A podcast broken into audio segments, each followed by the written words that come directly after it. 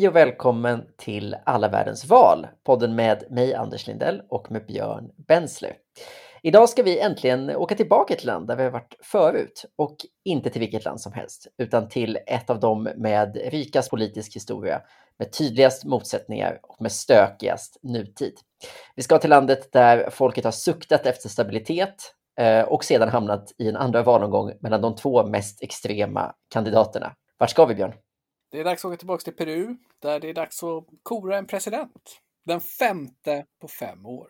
Och eh, vi kan ju varmt tipsa då, om man inte har hört det, om avsnitt 16 där vi går igenom eh, allt som hände i den eh, första valomgången. Men det finns ju, eller allt som skulle hända då, det var ju innan inför. Men det man kan säga om Peru då är ju att det är en, eh, en republik eh, där presidenten har ganska mycket makt och där det som utöver eh, presidenten så har man ju en kongress med, liksom, med en enda kammare och ganska få, eh, 130 platser. Eh, och dit har ju då varit val, så att vi kommer kunna prata lite om det och vad, och vad det betyder för den som nu blir president också. Och det vi också gjorde i förra avsnittet var ju att vi snackade om de, alla de här kandidaterna. Och det som, var, eller det som präglade det avsnittet var ju att det var väldigt, väldigt jämnt och väldigt många kandidater som låg på omkring 10 procent. Ja, precis. Och vi gissade då vilka som skulle gå vidare. Och, eh, Kommer du ihåg vilka du gissade på? Eh, jag trodde ju på det, han den här eh, galningen från det här katolska partiet, va? Hernando de Sota.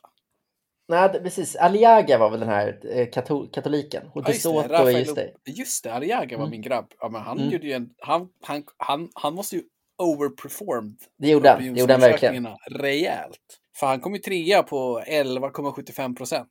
Precis, och jag trodde ju då på en, liksom ett sätt att läsa peruansk politik är ju att ganska många har velat få liksom lite lugn och ro och att man äntligen ska på något sätt få, få någon slags stabil regering efter att man har haft då eh, fyra olika presidenter på tre år. Eh, så jag trodde ju på att det skulle bli två av de här mittenkandidaterna. Eh, och det enda vi egentligen var överens om var att det inte skulle bli Keiko Fujimori alltså den gamla eh, diktatorn Alberto Fujimoris eh, dotter. Diktator och diktator, men eh, i alla fall åt det hållet. Ja, han, precis. Han var ju, Fujimori var ju vald, åtminstone två gånger av tre i ganska demokratiska val. Och eh, det som då hände var att eh, hon, man ska, det är väl eh, liksom regel ett om peruansk politik, räkna aldrig ut en Fujimori. Så att Keiko liksom skrapade ihop 13,5 procent och kom då till, till andra valomgången. Så hon är en av de kandidaterna vi kan fördjupa oss lite i idag. Hon möter då Pedro Castillo som fick nästan 19 procent. En ganska stor överlägsen seger. 800 000 fler röster än Fujimori. Mm. Eh, Ett namn vi inte, inte nämnde. nämnde överhuvudtaget. Men för att vi hamnade på sidospår där och fokuserade på George Forsyth som fick 6 procent. Som var liksom en gammal fotbollsmålvakt som, som, som floppade rejält. Precis, men eh, även ganska många i Peru missade ju Castillo. Alltså han var ju en under, underbeskriven. Om man kollade på liksom större, ja vi kollade ju på någon, eh, jag tror det är America's Quarterly som är en så här amerikansk eh, sida om latinamerikansk politik som kanske hade så de sex eller sju troligaste namnen. De hade ju inte med Castillo till exempel. Så det har ju varit ett underbetyg till opinionsmätningarna i, i Peru. Ja, och framförallt så är det ju det är också att han är, var en av de få med tydligt systematiskt stöd som man kanske missade då för att han är så den enda i det här stora fältet som klart vinner vissa delstater och har över 50 procent i vissa områden. Mm. Han är liksom en underpresterare i Lima och i några andra större städer, men några av de mer så här lantliga områdena så plockade han över 50 procent i ett fält med liksom, 10 plus kandidater, vilket är riktigt bra. Så att han hade ju ett väldigt regionalt starkt stöd som jag tror många, ja vi missade bland annat, men även de som mätte. Ja, och, eh, och det handlar ju helt enkelt om att, om att eh, liksom, han är väldigt stor på, på landsbygden och framförallt liksom i, i, som jag förstår det, i den väldigt svårnådda landsbygden. Så på väldigt, väldigt små orter i, i Peru så har Pedro Castillo varit den huvudsakliga kandidaten. Då. Men vi kanske ska prata lite mer om honom då. Han är ju 52 år nu, född 69 och eh, är liksom ett ganska eh, nytt namn i peruansk politik överhuvudtaget. Han, han är gammal lärare själv tror jag, åtminstone engagerad i lärarfacket, så det var ju konstigt annars. Och fick liksom något slags medialt genombrott eh, eh, när det var en stor lärarstrejk för två år sedan. Innan dess var han liksom helt okänd i Peru. Och han, hans parti då, Peru Libre, det är ett eh, socialistiskt, marxistiskt parti. De fick 3,5 procent i eh, det senaste valet och det är ju ganska nyligen. Det är ju varit extraval 2020. så att för ett år sedan så i, i, ett, eh, i ett allmänt val så fick de 3,5 procent. I år så blev de det största partiet då, i det kongressvalet som skedde samtidigt. Ja, men det går fort i peruansk politik, så det måste man ju säga. Det får man ju verkligen säga. Och Castillo är ju liksom, han har ju verkligen spelat på, eh, han, han har eh, gjort, gjort en grej, eller han har pratat på liksom andra språk än spanska, han har appellerat till ursprungsbefolkningen, han har liksom kommit inridande på ett valmöte på en häst, hörde jag. Han, han är liksom en... Han är en, en eh, showman och en, min bild är ju att, min bild av sydamerikansk politik, och du kan ju mycket mer än jag eftersom du har bott där, är ju att han ligger precis i tangentens riktning för vad man kan förvänta sig av en skrällig vänsterkandidat. Han har liksom allt där. Ja, men på något sätt, han, han har liksom... Eh, jag vet, det är, det är ändå någonting jäkligt intressant med, med hur han i liksom tysthet på ett sätt ändå har lyckats få det här enorma stödet. Det man ska säga sen om, om den latinamerikanska vänster, för han är ju verkligen en vänsterkandidat. Liksom. Alltså, eh, han, har själv, han har ju behövt distanserat sig ganska mycket från liksom, kommunismen och sagt att han är absolut inte kommunist, han absolut, stöttar absolut inte liksom, den väpnade gerillan som ju fortfarande formellt sett är, är aktiv. Men han är ju liksom eh, marxist. Partiet har drivit att liksom, nationalisera stora delar av eh, liksom, industrin och naturresurser och sådär. Men, det är ju, men de är ju samtidigt liksom, det är ju ett värdekonservativt parti fortfarande. De är ju så att säga tandvänster om man ska använda det begreppet. Som vi pratade lite om. fortfarande katoliker.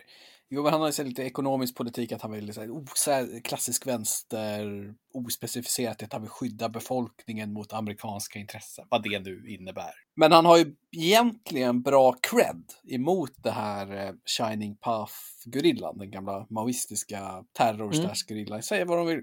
Han var ju med eh, i en self-defense group som skyddade rurala områden från dem på 80-talet. Mm. Så att han mm. har liksom en, på ett sätt så borde han ha starka, stark liksom cred emot det. Men eh, en av de få, eller en av de största recent events som har varit i Peru inför det här valet är en terrorattack. Som skedde för mm. typ eh, två veckor sedan, tror jag nu. Eller mm. en vecka sedan. Där 14 personer blev mördade i en liten by i norra Peru. Där de här Shining Path-grejerna har tagit på sig skulden. Eller de anses mm. ha gjort det. Mm. Och efter det så har ju stödet för Fujimori ökat i de flesta undersökningar. Mm, eh, just att... det. Och det ska man komma ihåg då att pappa Alberto Fujimori, liksom, han hade liksom tre legacies. Han stramade åt, eh, gjorde någon slags nyliberala reformer av eh, ekonomin. Han slog hårt mot eh, maoistgerillan och han liksom skalade ner demokratin i landet. Och, men, och hans hårdhet mot gerillan var ju verkligen någonting som bara gjorde honom uppskattad. Och det utnyttjar ju dottern hårt nu politiskt när det här terrordådet ganska vältajmat och har hänt, kan man säga. Mm. Eh, och det är lite roligt för att, eller roligt, det finns ju skitfysik som är roligt med det här, men den amerikanska tidningen Bloomberg, när de gör en vinkling på liksom ett sånt här val, mm. då, då har de ju dels med det här och dels med att liksom, börsen har reagerat de senaste dagarna mm. i en riktning som går emot Castillo. Ja. Att de ser tecken där. Men då refererar de också till en annan opinionsundersökning när vi ska prata om strax, som mm. också handlar om det här terrorattacken. Liksom, mm. Och då har firman som heter Datum, eller Datum, frågat varför folk tror att den här Shining Path gjorde den här attacken. Och, och då har 20% svarat att de tror inte att Shining Path var ansvariga. Mm. Mm. Och det är nästan lika många som sa 23 procent att de inte visste. Sen frågar de också en annan fråga. If they believe that an organization accused of being related to Shining Park forms part of Castillos political alliance. Mm. 43 procent sa ja, 42 nej. Så den här liksom ganska på dekis ändå, terrorrörelsen har helt plötsligt den senaste veckan kommit liksom fram i förgrunden. Mm. På ett väldigt politiskt laddat sätt vi nämnde det i förra avsnittet också, men att liksom Peru har haft, man har haft svårt, vänstern i Peru har haft svårt att växa sig stark just på grund av det här. Att, att det finns en aktivt, liksom ett, ett, på ett sätt ett aktivt inbördeskrig med en, en maoist eh, gerilla i landet som, som också har liksom präglat landet enormt i, i liksom 40 år nu. Så att, eh, att, att, i, att i det startfältet också komma från ingenstans och, och eh, dundra in som etta är ju också i sig en bragd från, eh, för eh, Castillo. Ja, verkligen. Men man måste ju påpeka igen att Fujimoris, det finns ju ingen politisk legacy från hennes pappa som är så tacksam att prata om för henne som kampen mot den här grillan. Nej, precis. Det är ju det, det liksom... bästa. Så den politiska tajmingen med den här, det är ju så att man behöver inte vara konspirationsteoretiker för att känna att jaså, här kommer det terrorattack vältajmat för en av kandidaterna som påverkar mätningarna lite. Spännande. Ungefär så mm. liksom.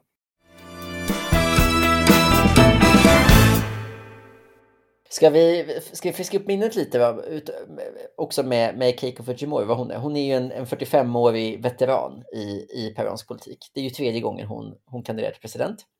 Hon kör, hon ju familj, kör ju familjeföretaget nu kan man säga. Ja, Precis. Hon har ju, liksom, de två konstanterna i hennes valkampanjer är ju att ett av huvudbudskapen är att hon ska fria sin pappa, som ju, han är ju fängslad för brott mot eh, mänskliga rättigheter i Peru.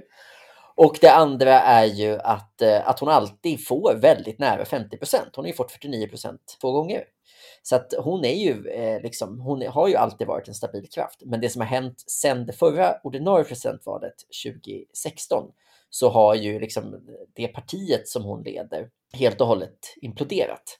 Eh, så, att, så att man har ju sett liksom ett, ett enormt tapp. Och det var det som vi gjorde, gjorde att vi räknade ut dem också. Att de, i det här senaste extravalet som var så liksom, raderades de nästan ut. eh, på grund av en korruptionsskandal och sånt där. Som ni kan höra mer om i eh, det av förra avsnittet. Men eh, utöver det då så, så verkar det som att hon, eller trots det, så verkar det som att hon har tagit sig tillbaka eh, helt okej. Okay. Hon har ju suttit mer eller mindre häktad också de senaste två åren, vad jag förstår, på grund av de här korruptionsanklagelserna. Ja, och vissa säger att hon främst vill bli president för att slippa hamna i fängelse. Mm. Och, man, och på ett sätt så, får man ju, så kan man ju undra också vad det är som gör att hon, att hon ändå lyckades komma fram just nu, när det ändå fanns andra högerkandidater. För, för det får man säga att det här var ju, om man, om man ska göra någon slags analys av eh, det själva valet till kongressen så var det att högern ändå stod sig, stod sig ganska stark. Ja, det tycker jag är tolkning också. Och att hon hade väl lite fördel av att många högerkandidater liksom splittade sin egna röst. Det fanns liksom ingen som riktigt tog sig om henne. Hon hade ju mycket färre röster i första omgången den här gången än sist. Mm, mm. Men eh, hon är där nu och då, då kör man. Eh, ska vi kolla hur det ligger till i opinionsundersökningarna då? Eh, och då är det ju så att sen de började mäta det här, vilket var direkt efter första rundan, då ledde Pedro Castillo väldigt stort. Eh, jag tror den första mätningen var typ 40 procent för honom och 26 på Fujimori och en annan detalj med peruansk politik är ju att väldigt många tänker rösta blankt eller inte alls för att mm. det är låga engagemang. Och den långsiktiga trenden, eller i alla fall om det kan finnas en långsiktig trend på en och en halv månad, är ju att Fujimori har mobiliserat sina väljare och tagit in väldigt mycket. Mm. Och att det i de absolut senaste mätningarna som släpptes i helgen så är hon i kapp. Mm. Eh, och att det står liksom att det verkligen är tajt mellan dem. Ungefär 40, runt 43-44 procent för båda. Mm. De har ställt lite andra frågor som är intressanta är ju att de frågar sig också liksom okej, okay, kommer du absolut rösta på den här kandidaten? Kanske eller absolut inte. Så har Eh, den relativt okända Castillos röster. De som är säkra på att de kommer rösta på honom har blivit färre och de som absolut inte har blivit fler. Medan eh, Fujimori har haft en motsatt utveckling där de som absolut kommer göra det har ökat och de som absolut inte har minskat. Så hon har tydligt momentum i opinionsundersökningarna. Frågan är bara om hon kommer komma in i kapp och förbi. Mm. Ja, och, eh, och en, en, annan intressant sak är just det här med att det är så många väljare som, som röstar liksom motvilligt på en kandidat. Som pratar om det som liksom ett, the lesser of two evils, den minst onda kandidaten. Det, och det är ju speciellt då, alltså, jag kan tänka mig att just eftersom det är verkligen en ytterhöger och en yttervänsterkandidat så måste det ju också svida för väldigt, väldigt många väljare att, när man gör det valet. Visst var det så att, eh, ja, men jag såg någonstans, jag vet inte om det är samma som du refererar till, men alltså att, att bland Fujimoris väljare så är det 60 procent som säger att de röstar på henne för att de betraktar henne som, som det minst dåliga alternativet av två, ja, av två dåliga. Och, ja, hon är eh, liksom status quo-rösten eller the, the thing you can live with-alternativet. Precis, för, för, för Castillo så har ju de, han har ju då mer, en större andel av hans väljare som liksom verkligen tror på honom och, och då bara 48 procent som ser honom som, som det minst dåliga alternativet. Men det är också intressant för det är också ett högt, en hög siffra. Att 48 procent, liksom nästan hälften av hans väljare, gör det bara som någonting som de ser som det minst skadliga av två hemska alternativ. Ja, det är inte, det är inte high approvers. På de Nej, och apropå det så får man ju, vi, eh, vi eh, liksom, eh, ett, ett, en ganska pikant detalj i detta är ju att en av de största peruanska, en av de största profilerna i peruansk politik historiskt har ju varit Nobelpristagaren eh, Mario Vargas Llosa som, eh, som ju var presidentkandidat och verkligen tippat att vinna 1990 i det valet. Tillhörde då ett, stort mittenvänsterparti. Och han eh, förlorade det valet mot en, en nykomling, nämligen då just Alberto Fujimori. Och eh, han har nu, Vargas Llosa har skrivit en eh, debattartikel i El País, den spanska, ja men ändå stor, liksom en stor global tidning, eh, där han uppmanar sina landsmän att rösta på Keiko för att hon då är det minst... Är det sant? ja, det minst skadliga partiet. Det här är ju verkligen... Eh, ska man kalla det här för så här, på den politiska hästskosteorin in action? Ja, det är ju på något sätt det.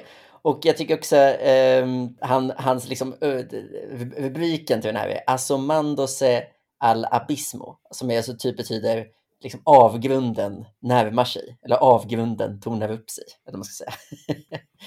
så att det är ju, eh, han är ju liksom dyster med sig, liksom att hon är ändå det minst hemska av de. Typ. Alltså han, han kallar henne ju också liksom, sam, i samma artikel för liksom diktatorns dotter. Så att, så att han, han gör ju liksom, eh, gör det ju väldigt tydligt att det då, även det minst dåliga alternativet är ganska dåligt. Liksom. Ja, det är ju spännande. Jag tänkte inte att han skulle gå ut där och liksom hoppa på det tåget.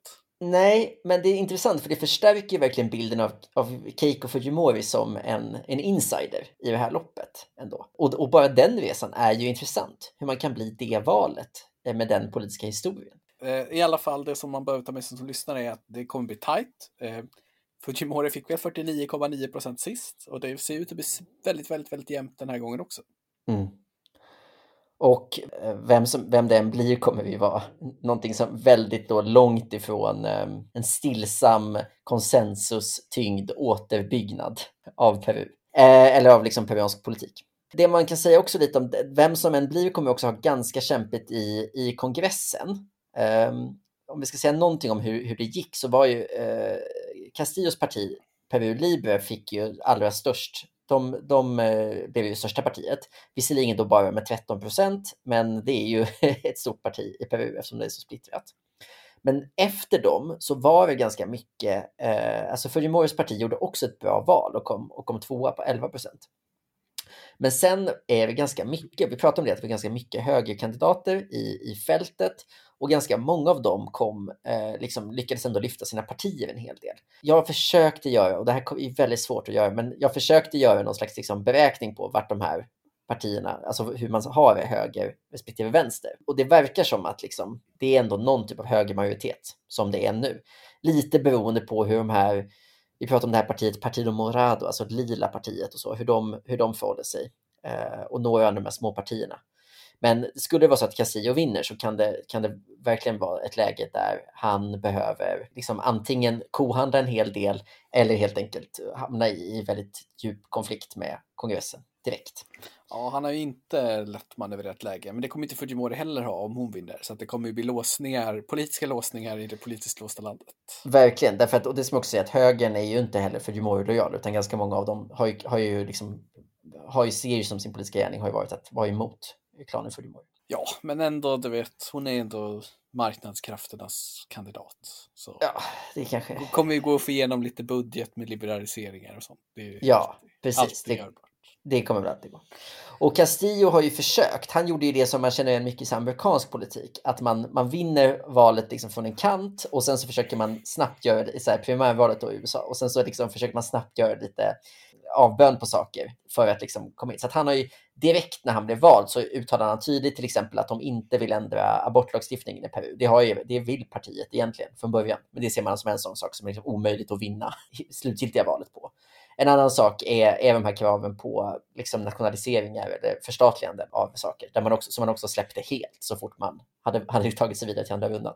Så att han, gör, han försöker ju verkligen också att vara, vara regeringsduglig, eller vad man ska säga. Ja, spännande blir det i alla fall. Eh, val på söndag alltså. Ja.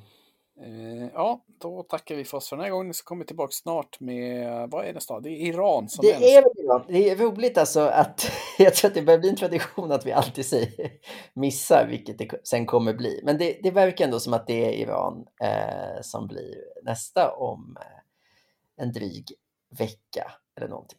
Så det ska bli skitkul. På, jag kan väl påminna också om att eh, ganska snart närmar vi oss ju någon slags säsongsavslutning. Inför det får man gärna skicka in frågor till oss på varendaval.gmail.com. Och så får vi se. På återseende. Hej då. Hej.